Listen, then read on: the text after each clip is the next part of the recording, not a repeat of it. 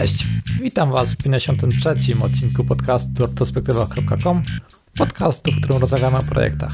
Ja nazywam się Mateusz Kupilas Dzisiaj porozmawiamy sobie o tym, jak to jest być grafikiem w dwuosobowym studiu gier niezależnych. Zapowiadałem ten odcinek, dużo osób pytało o to, jak, e, jak w ogóle zostać takim grafikiem, jak wykonać pierwsze kroki, jeżeli chcemy w takim kierunku iść i o tym również sobie porozmawiamy. Oprócz tego porozmawiamy sobie o organizacji Kurki Collective, która wspiera twórców gier niezależnych w Polsce i porozmawiamy właśnie z osobą, która zarządza kurkami, zarządza organizacją Kurki Collective oraz jest e, grafikiem w studiu Kiwano. Gościem podcastu jest Izabela Lata-Grzesik. Jeśli interesujecie się grafiką, chcecie w przyszłości coś tworzyć profesjonalnie czy to hobbystycznie w tematyce gier, to na pewno odcinek z Izą Wam się przyda. Nawet jeżeli nie interesujecie się grafiką, tylko generalnie projektami niezależnymi, niekoniecznie nawet grami, to ten odcinek podcastu również może Wam się spodobać. Zapraszam. I heartily endorse this event or product. Jeżeli podcast Wam się podoba i chcielibyście wesprzeć retrospektywę, to zapraszam na retrospektywa.com ukośnik wsparcie. Tam macie zebrane sposoby, jak możecie to zrobić, na przykład przez zakup mojej książki Junior Developer o pierwszej pracy programisty lub przez e, zakup mojej autorskiej gry karcianej IT Startup Karciana. Taki mix gier typu Magic the Gathering, Hearthstone czy inne podobne gry karciane, tyle że osadzone w świecie IT. E, zapraszam na itstartup.pl, tam jest dostępna polska wersja i w przyszłym roku powinna pojawić się również wersja angielska. Cześć Iza, witam Cię w perspektywie. No cześć, e, jestem Iza i z wykształcenia jestem kulturoznawcą. No to właśnie w tym momencie chciałem Cię zapytać, e, kim dokładnie jesteś, byś się przedstawiła słuchaczom, czym się zajmujesz, mm -hmm. kim tak naprawdę jesteś? E, tak, jestem grafikiem w Kiwano, ale zajmuję się też kurkami. E, w zasadzie jestem taką osobą, która właśnie zarządza całym tym kolektywem.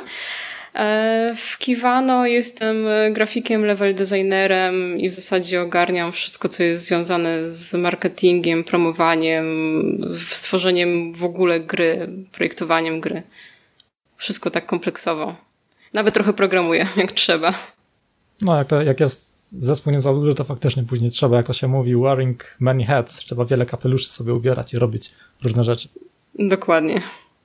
No i dokładnie, jesteś grafikiem, tym się głównie zajmujesz, o tym też będziemy głównie rozmawiać, ale by tak wprowadzić może e, słuchaczy do tego, na czym tak dokładnie pracujesz, czyli nad, jak, nad jakim projektem czy projektami aktualnie pracujesz?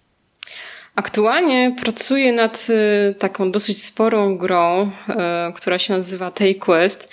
E, I to jest od razu zabawna historia, bo hmm, ta gra miała już chyba więcej nazw niż, e, niż, niż, niż, niż w ogóle można to przyjąć za normalne i rozsądne, bo wcześniej nazywała się, niektórzy mogą kojarzyć jako Riven Tales.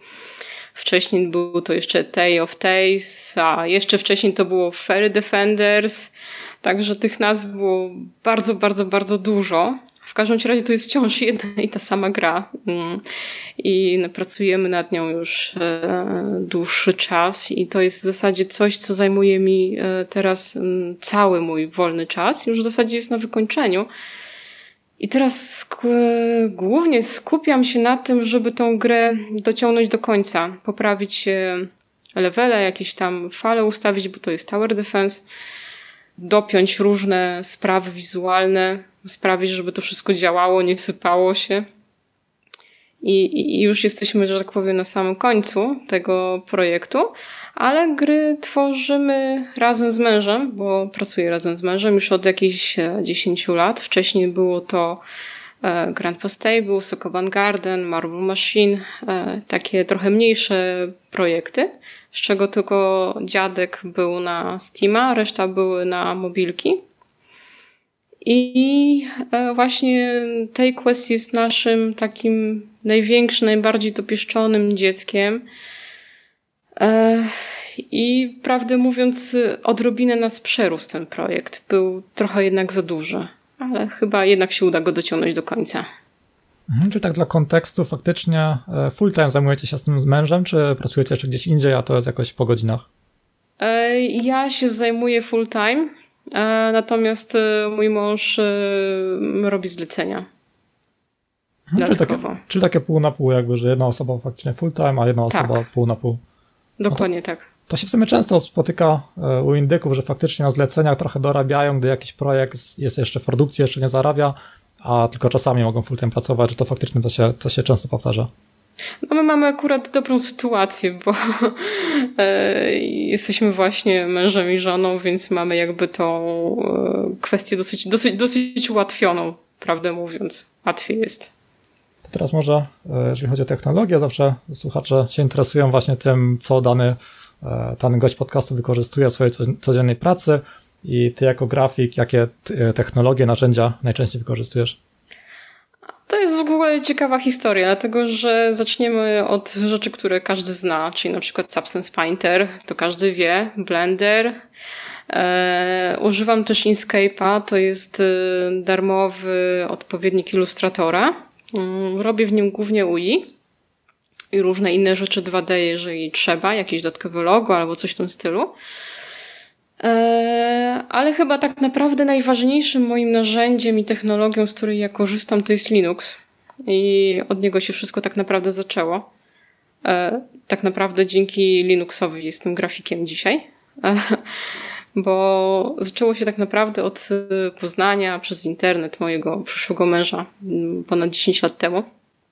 On był informatykiem, i tak sobie gadaliśmy. No i po któregoś dnia pokazał mi zrzut ekranu właśnie z Linuxa i mi to się strasznie spodobało.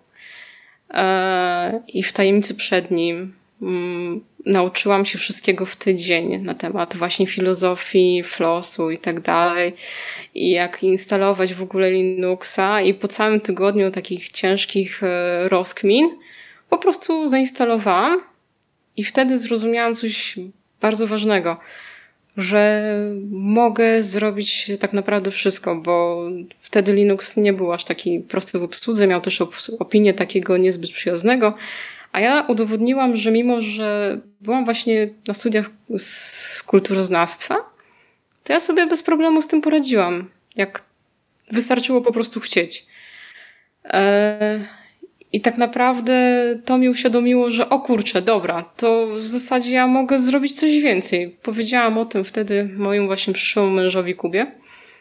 E, od razu też zwrócił na mnie większą uwagę. Zaczął mnie uczyć programowania. A po kilku miesiącach e, zobaczyłam newsa o nowym wydaniu Blendera i wtedy wiedziałam, że to jest to, co ja naprawdę chcę w życiu robić, czyli właśnie grafika 3D. Wtedy Blender był jeszcze koszmarnie brzydki, koszmarnie nieintuicyjnie, ale ja po prostu mm, wiedziałam, że to jest, no to jest takie, było takie dosłownie zakochanie od pierwszego wejrzenia. Też pamiętam, chyba z 10 lat temu sobie nawet książkę o Blenderze kupiłem i tam były jakieś poradniki, jak tam pisać gry w ogóle w Blenderze, tam właśnie w Pythonie, jakie skrypty dało tak. pisać i dało się gry robić. Tak, tak, tak, tak. W Blenderze można było jeszcze też do dosyć niedawna robić takie rzeczy. Teraz już chyba, o ile dobrze się orientuję, już, już, już nie ma tej funkcji, ale, ale to było dosyć ciekawe. To było chyba, to mówiła 10 lat temu, nie? To już 2009. Ja pamiętam o tym Blenderze, jak, jak tę książkę sobie kupiłem, to chyba 2005 to jeszcze był, czy jeszcze, jeszcze wcześniej to powstało, ale faktycznie bardzo toporne narzędzie, pamiętam to było. Tak, tak, bardzo, bardzo. W zasadzie to jak teraz tak mi uświadomiłeś, to to jest więcej niż 10 lat temu. O, trochę za szybko te lata lecą. Eee, no, ale nie skupiajmy się na mijających latach.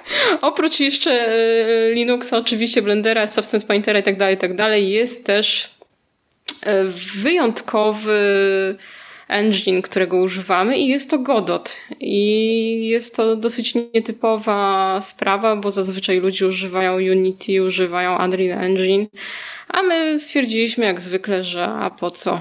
Po co, po co iść utartymi szlakami? Wcześniej używaliśmy libgtx-a, e, biblioteki, na którym też zresztą robiliśmy gry 3D w czasach, kiedy jeszcze nikt w nim nie robił niczego na 3D. E, I jak już nam się to znudziło, to stwierdziliśmy, dobra, teraz przetestujemy coś nowego, świeżego i padło na Godota. Też miło wspominam LibGDX-a, też moja jedyna gra mobilna, którą faktycznie udało mi się skończyć i wydać. Notefinder to właśnie tam był e, LibGDX wykorzystany z tym portowaniem na iOS. Pamiętam, strasznie się męczyłem, bo tam ciągle coś się zmieniało, pamiętam. I przez aktualnie, tak, to... tak, aktualnie przez to z Unity w sumie pracuję, bo po prostu boję się tak naprawdę, że ta osoba, jedna osoba tak naprawdę jest głównie odpowiedzialna za LibGDX-a, i ma jakiś komercyjny produkt, którą poświęcił na przykład rok czasu i co ta, ta osoba teraz zostanie przejechana przez ciężarówkę i co? i kto to później wspiera? No, akurat tutaj jest o tyle dobrze, że zawsze to może jeszcze tam ktoś pociągnąć, nie? Bo to jest teoretycznie otwarte, więc ktoś się zawsze by znalazł.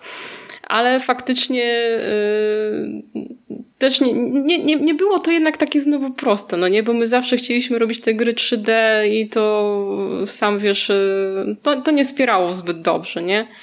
ale właśnie na, na tej bibliotece powstały nasze gra. Pierwsze to był Sokoban Garden, właśnie też był 3D i Grand Pastable też był właśnie 3D i to jest właśnie na tym zrobione. Grand Pastable jest właśnie na Steamie. Mhm.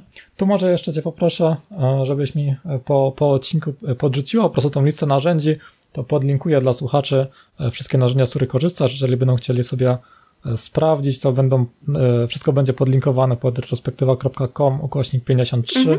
bo to 53 odcinek podcastu, tam sobie będzie można spokojnie to wszystko poprzeglądać.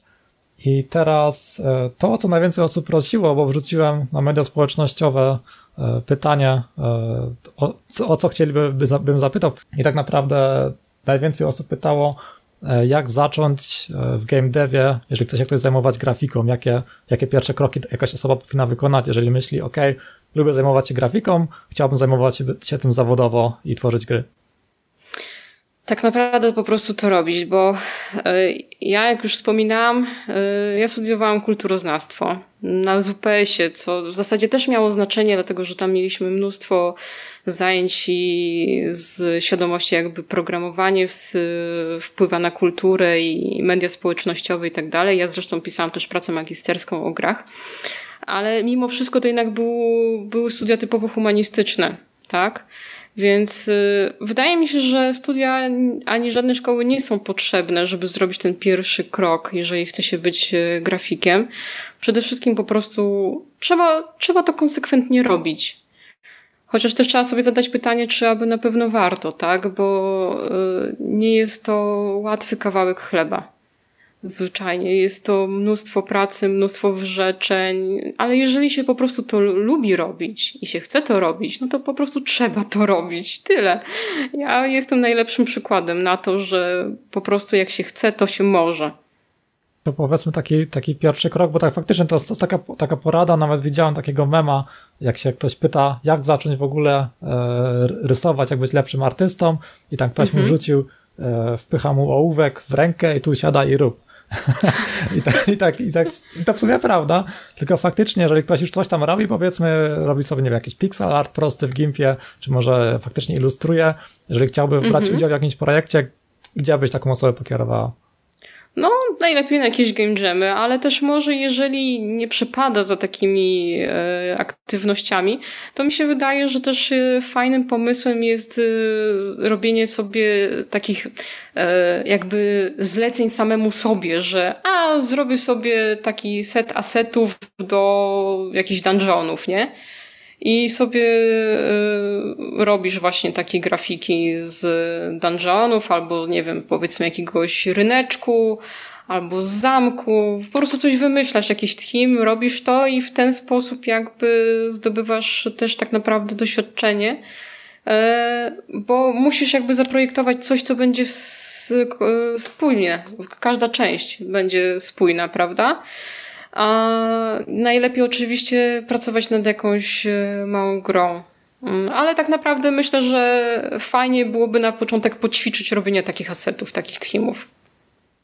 Ja tu widzę taki problem, że właśnie taka osoba, która tylko grafiką się zajmowała, tak naprawdę nie wie, jak przygotować na przykład grafiki pod konkretną grę, że na przykład tutaj jakaś siatka musi być przygotowana, coś pocięte do animacji, że tutaj myślę chyba faktycznie znalezienie sobie takiej osoby, która programuje, ale nie zna się na grafice, to byłoby też mhm. dobre.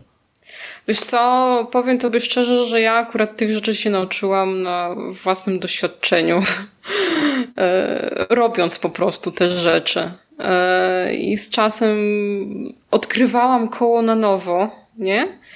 I patrzę, że pewne rzeczy nie działają, trzeba to zrobić inaczej. Więc y, to, to, to, nie jest takie koniecznie potrzebne, żeby ktoś cię prowadził za rękę, bo tak naprawdę, jeżeli to robisz, robisz to uparcie, to będziesz dochodził do coraz to lepszych wyników. E, ja faktycznie taką drogę przeszłam, że na początku te moje mm, grafiki były bardzo, bardzo, bardzo nędzne i to naprawdę był dramat. ale jakby mm, próbując sama robić coraz lepiej, obserwując, co robię źle, wyciągając y, wnioski, y, po prostu robiłam coraz lepiej, tak? Tylko właśnie chodzi o to, żeby robić, próbować cały czas, wyciągać wnioski z tego, co się robi, krytycznie patrzeć na swoją własną pracę. Mhm. Czyli u ciebie te pierwsze kroki to było tak naprawdę, że i sama trochę programowałaś tej grze i robiłaś do niej własną grafikę. Tak. Okay, Chociaż no. głównie, głównie y, zawsze jednak robiłam to wspólnie z wtedy chłopakiem narzeczonym, obecnie mężem, tak? Że jednak y, ja się skupiałam bardziej na tej grafice i po prostu było widać, co nie działa, co, co, co, co, co jest słabo, nie? Co trzeba poprawić. Czyli... Teraz to i tak jest łatwiej, bo masz mnóstwo kursów na YouTubie, no nie? Nie to co 10 lat temu. Tak, tak. Właśnie się przeraziłem ostatnio właśnie, ile tego aktualnie jest. I to, to w sumie jak, jak, jak, mam też mam kontakt z wieloma osobami, które zaczynają z programowaniem, z drugiej strony to też jest źle, bo tak naprawdę kiedyś była jedna dobra książka, jeden tutorial się znalazło i z tego się korzystało i się to faktycznie przerabiało. No dokładnie. A teraz jest taki przesyt, że ludzie mają taki paraliż decyzyjny i tak naprawdę nic nie robią później. A może to i o to chodzi. Ale faktycznie y, czasami się spotykam właśnie z takimi osobami, które y, właśnie mówią, ej, jak tu zacząć, jak tu tego. No po prostu zacznij, nie? Po prostu zacznij. Brzmi to banalnie, ale, ale faktycznie tak jest, no. Dokładnie. Zwłaszcza, że tutoriali naprawdę jest mnóstwo jest czym przybierać i nawet nie trzeba wynajdywać, właśnie tak jak ja wynajdywałam koła od nowa. Już, już, już wszystko jest już wynalezione, wystarczy po to sięgnąć. Mhm. A masz może takie, bo tam znasz na pewno e, wiele źródeł do nauki, grafiki dla początkujących, gdybyś mogła tak skierować teraz kogoś, kto chce zacząć, do jednego twojego źródła, to, jakby ta jedna książka, która kiedyś była dostępna, czy jeden tutorial, który sobie ktoś z internetu ściągnął, e, takie jeden źródło, do którego byś skierowała taką osobę. Zawsze polecam polski kurs Blendera. E, I moim zdaniem to jest e, najlepszy kurs, jeżeli chodzi o Blendera w ogóle. Ja stamtąd się nauczyłam w zasadzie wszystkiego, co wiem o Blenderze. To jest e, taka strona, mm, która właśnie ma część tutoriali są pisane, ale większość z nich jest nagrywana na YouTubie i one są naprawdę, naprawdę świetne. Także bardzo, bardzo polecam polski kurs Blendera. No właśnie sobie wpisałem w Google polski kurs Blendera, to jest po prostu polski kurs blendera.pl. Tam, tam tak, kursy dostępne. dokładnie. Okej, okay, to myślę, że ten temat mamy domknięty. Teraz przejdźmy do, do błędów. E, na pewno masę błędów popełniłaś podczas pracy nad jakimiś swoimi grami, czy generalnie e, w ścieżce swojej kariery. Gdybyś tak teraz mogła sobie sprzed 10 lat, jak tego Blendera zaczynałaś Pierwszy raz go otwierałaś na parnaście lat temu. Co wyjść idzie sprzed parnastu lat chciała powtórzyć? E, to czy w zasadzie, jeżeli chodzi o błędy związane z blenderem, czy coś czym, czymś w tym stylu, to wszystko, ja, to, ja, to, ja na to patrzę jako na proces, tak? To, to cały czas był proces, ja musiałam po prostu do tego dojść i e, nie wiem, co bym sobie powiedziała, jeżeli chodzi o Blendera, ale wiem, jaki mam największy błąd ogólnie, który popełniłam w całej swojej karierze i który popełniam tak naprawdę do dzisiaj. E, I to jest y, błąd taki, że nie wystawiam nosa ze swojej jaskini, w której po prostu siedzę, tworzę tą grafikę i e, nie wystawiam nawet palca, żeby przypadkiem nie, nie, nie dotknął mnie promień światła słonecznego. To ma wpływ e, tak naprawdę na marketing i na to, jak, jaka jest świadomość naszej marki, naszych gier, istnienia nas w ogóle. Także jeżeli chodzi o grafikę, to, to powiedziałabym rób tak dalej. Dobrze ci idzie nie poddawaj się, nie, nie, nie, nie wstydź się, ale jeżeli chodzi o całą resztę, to bym powiedziała właśnie sobie, że wystaw, wystaw nos z jaskini. E, jeżeli chodzi jeszcze o błędy, to mega ważną rzeczą jest jednak backup, bo to mi się zdarzyło dwa razy chyba w życiu, że siedziałam nad jakimś projektem intensywnie i ja teoretycznie o tym zawsze pamiętam. Zawsze mam dysk y, dodatkowy w szufladzie, zawsze to tam się gdzieś wysyła e, do chmury i niby to jest teoretycznie zawsze zbackupowane, ale wtedy miałam akurat tak, że miałam kiepski internet, nie, nie zgrywałam niczego na dysk i mi ten dysk wysiadł i straciłam naprawdę mnóstwo, mnóstwo swojej pracy. No i to po prostu To, to, jest, to, jest, to jest dramatyczny błąd. Zawsze, zawsze mi pakapi to najlepiej ze trzy. Mhm. Jak to możesz zdradzić, to były stracone tygodnie, miesiące, czy może tylko dni? E, straciłam e, od dziś około trzech tygodni pracy takiej intensywnej. Chociaż ma to swoje dobre strony, bo jak zrobiłam drugi raz, to wyszło lepiej. No, zawsze na dobre wychodzi później. Tak. Ale, ale pierwszy szok to było po prostu, to, to był dramat, nie? Że w którymś momencie odpalasz komputer i ty już wiesz, ty już wiesz, że jest źle. I okazuje się, że jest bardzo źle. Tak, tak. Przez to trzeba mieć jakiegoś albo Dropboxa, albo nie wiem, te Google, e, dyski googlowskie i tak dalej, bo to po prostu no... Tak, tak, tak, tak. My, my korzystamy też e, z... E, Jezu, jak to się nazywa? To, co się wysyła. Weź mi podpowiedz. Z Gita może korzystacie? Z Mercuriala. Korzystamy, korzystamy właśnie też z Mercuriala, ale czasami zapomnę zrobić komita jeden dzień, drugi dzień, bo to jest nudne, bo trzeba zapisać, nie, trzeba wysłać, a jak już skończę pracę, to już bym chciała sobie gdzieś tam polecieć, e, zrobić kawkę i siadać do grania, nie? A to jeszcze trzeba komity robić, więc yy, tak, trzeba to po prostu pamiętać o takich rzeczach niestety, bo ból jest potem okrop, okropny. Jak z mężem reklamujecie? Jak wygląda u Was marketing Waszej gry? E, czegoś, nad czym pracujecie? Mm, generalnie wygląda tak, że no, ja staram się robić co mogę. Mamy własny kanał na Discordzie, jakiś tam Twitter, Reddit y, i tak dalej. E, ale chyba najwięcej nam daje to, że jesteśmy w zasadzie największą grą, która powstaje w Godocie i tak naprawdę głównie oni nas reklamują i nasza gra jest tak naprawdę znana chyba właśnie dzięki temu, że wiesz, jak ktoś się interesuje Godotem, to wtedy wie, że aha, dobra, no to jest też taka gra. Zwłaszcza, że nasza gra jest pierwszą rzeczą, którą widzisz, kiedy wchodzisz do nich na stronę. E, a jeżeli chodzi o jakby właśnie ten mój marketing, to mam ciągle z tym problem. Staram się, różnie to wychodzi, ale najważniejsze to po prostu to robić. Właśnie weszłem sobie na główną stronę Godota i tam e, ten, ten, pierwszy obrazek z tym takim zwierzątkiem na takiej platformie, to, to, to jest ta wasza gra właśnie, tak? Tak, to tak, jest nasza okay. gra. Czyli jak... To jest nawet z levela, który już nie istnieje, ale to jest, to jest z naszej gry. Okej, okay, czyli jak, jeżeli kogoś interesuje wygląd gry, to wpisać sobie w Google Godot, wchodzimy na godot.engine.org i tam od razu widzimy screen waszej gry. Dokładnie. Albo wyjść na Steama i wpisać TakeQuest. A to, to jest, będzie dostępny tylko na, na Steama, tak? Czy macie tam jakieś plany na przykład z Nintendo Switchem? Yy, tak, ta gra była projektowana tak naprawdę na Nintendo Switcha. ale będzie też na Steamie. W dalszych jakichś tam planach, zobaczymy jak to będzie. Mamy też e, plan wydania tej gry na Xboxa i PlayStation, dlatego że to jest gra, która jest przede wszystkim konsolowa. E, chcieliśmy stworzyć właśnie takiego Tower Defense'a, który będzie na kanapę i do pogrania ze znajomymi.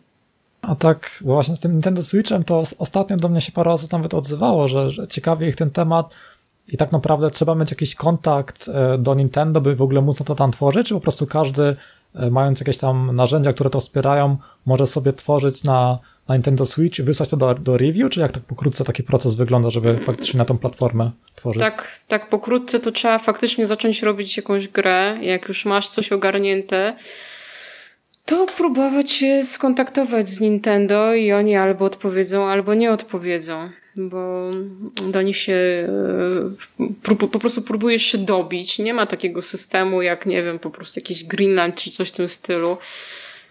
No I, i liczysz na to, że któregoś dnia ci odpiszą i tak naprawdę to mniej więcej tak wygląda. Okej, okay, czyli nie ma czegoś takiego ci... jak, jak, mhm. jak na przykład review w Apple Store, tylko faktycznie musi, trzeba mieć grę, nie. wysyłasz do szefu at nintendo.com i tam albo odpiszą, albo nie. Dokładnie tak to wygląda. I czasami mi się schodzi krócej, czasami się schodzi dłużej, zależy, nie? Także to jest, wiesz, e, długi czas właśnie tworzyliśmy tą grę na, na, na to Nintendo, jeszcze nawet do nich nie pisaliśmy i tak naprawdę właśnie nie mieliśmy pewności, czy oni się zgodzą, tak? Bo chcieliśmy pokazać im, jak coś już będziemy mieli więcej. Na szczęście się zgodzili. Czyli tak, e, by zamykać ten temat reklamy marketingu, to takie dosyć standardowe rzeczy indyków, prowadzenie social mediów. Ostatnio coraz tak. popularniejszy Discord, też ostatnio jakiś GDC Talk widziałem właśnie, że Discord właśnie z tymi powiadomieniami i tak dalej, że to jest prawie na równi stawiane z budowaniem listy mailowej, że to właśnie bardzo e, współcześnie, no dobrze to działa.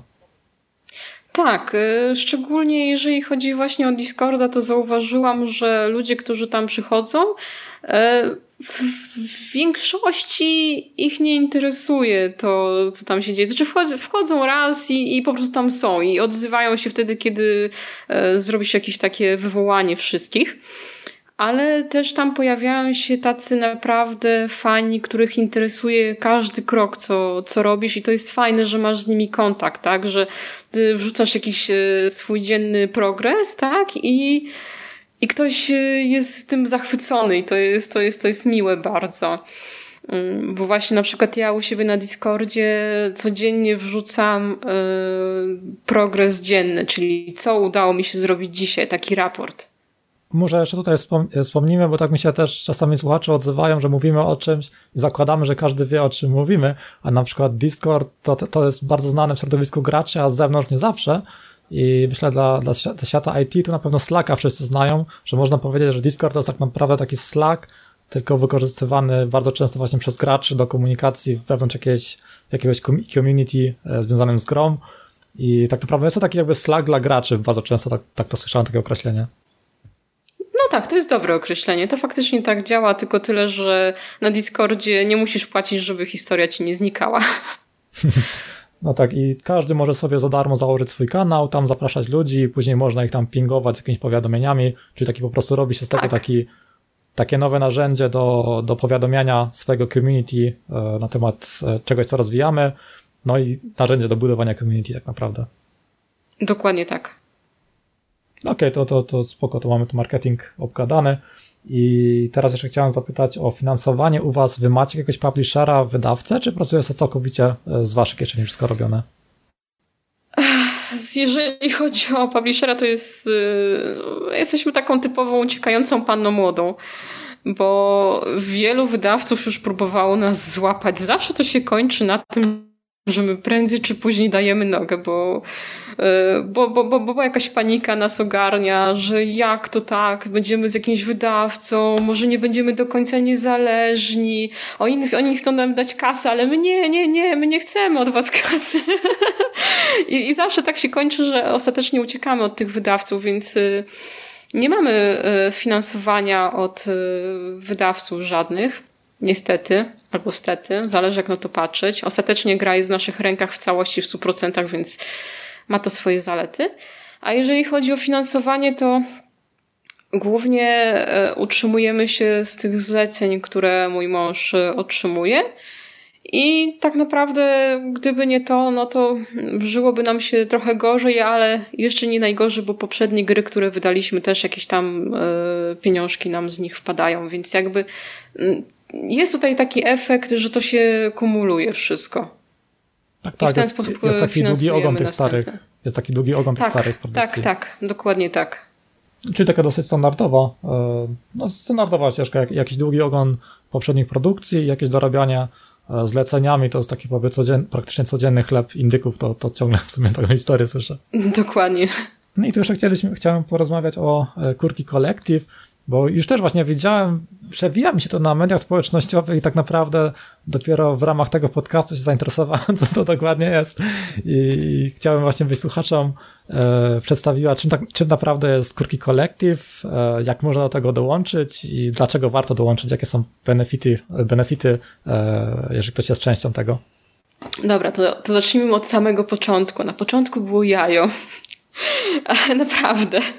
E, zaczęło się wszystko od zamkniętej grupy e, Indycze Jajo, e, w której po prostu zaprosiłam znajomych z twórców indyków i tam razem udzielaliśmy sobie porad, co, co tu jest źle, co, po, co poprawić. Testowaliśmy sobie własne gry w bardzo małym, zamkniętym gronie. E, dlatego, że ja zauważyłam, że takich e, grup nie brakuje w internecie, gdzie można właśnie dać swoją grę do testowania, ale problem z nimi polega na tym, że im są większe, tym trudniej uzyskać jakiś feedback. E, więc jakby w odpowiedzi na to powstało jajko. A po jakimś czasie z tego jajka wykluła się kurka, czyli coś, co wystaje na zewnątrz. Kurka ma, miała za zadanie mm, odpowiedzieć na problem, który mają wszystkie indyki, czyli tak naprawdę marketing bo nie tylko ja mam problem z tym, żeby wystawić nos ze swojej jaskini. Więc pomyśleliśmy sobie, że jeżeli połączymy swoje e, wspólne siły e, w promowaniu naszych gier pod właśnie szyldem Kurki Collective, to będą z tego korzyści tak naprawdę dla każdej kurki, która jest zrzeszona. I tak naprawdę właśnie o to chodzi, że jeżeli ktoś usłyszy o kurkach, to jest szansa, że usłyszy też o grach, które są e, w, tych, w tym kolektywie, w ramach tego kolektywu tworzone. Czyli taka, taka organizacja do wzajemnej, e, wzajemnej promocji produkcji indyków. Tak, wzajemnej promocji dokładnie i też e, jakby wzajemnego wsparcia w trudnych chwilach oczywiście. No i spotykania się raz na jakiś czas, bo też organizujemy właśnie spotkania i to już tak naprawdę jest y, na pewnym etapie, mm, to już nie, nie, to nie, nie jest grupa obcych osób, tylko po prostu dobrzy znajomi. Okej, okay. jeżeli ktoś tam chce z zewnątrz dołączyć, to po prostu się do Was odzywa, czy są jakieś kryteria, które musi spełnić? Po pierwsze, odzywa się konkretnie do mnie. E, I musi spełnić takie kryterium, że musi napisać prezentację o sobie, o tym, co robi, E, jakie gry stworzył albo chciałby stworzyć. I jeżeli e, ja widzę, że to nie zostało zrobione w trzy minuty na kolanie, no to wiem, że, że, że takiej osobie zależy i że ta osoba po prostu od nas nie odejdzie po tygodniu, bo jej się nie znudzi, tak?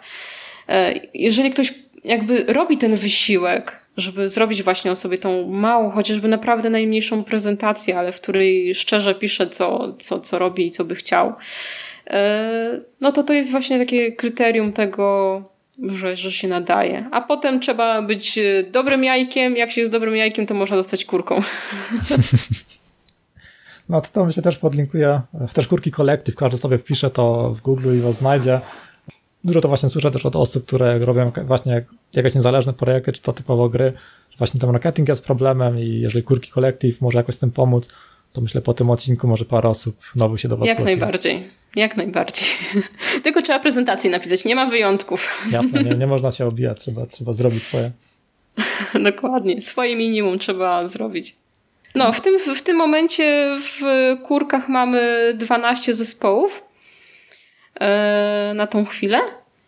I powstaje w ramach nich właśnie parę takich większych, fajniejszych gier. Między innymi ostatnio rozmawiałeś e, z Sylwestrem, który tworzy Electrorite. On też jest od nas, ale też jest e, Sniff Adventure, Boxkit, Unhatched, Work Idle, Schoolstone, także jest trochę takich fajnych, fajnych projektów, na które warto mieć e, oko. Tak. I teraz jeszcze na na sam koniec chciałbym, byś e, powiedział trochę o swoich planach na przyszłość, czy to Skórki Collective, czy właśnie e, z, z waszym studio tak naprawdę, nad czym pracujecie, jakie są kolejne plany na przyszłość? E, z kurkami, no to wiadomo, chcemy zawładnąć nad światem. Być po... Dokładnie. Nie, no tak, nie, chcemy się po prostu zwyczajnie rozwijać, żeby każdy usłyszał o kurkach, bo kurki są fajne, puszyste i mięciutkie. E, a jeżeli chodzi o, o, o, o moje własne plany, jeżeli chodzi o, o Kiwano, to po prostu chcemy wydać oczywiście tej questa. Zobaczymy, jak to pójdzie. Najpierw e, Switch, potem Steam, potem zobaczymy, jak tam dalej. A w jakiejś dalszej perspektywie, może jakieś wiary chętnie bym zrobiła i no nawet może z, w tym świecie od tej quest, na tych, na tych samych asetach, bo mamy dużo pomysłów na kolejne gry, które właśnie by się opierały o ten świat, o te asety, które już mamy stworzone i, i po prostu aż przebieram nogami z, z, z niecierpliwości, kiedy będę mogła już robić kolejne rzeczy.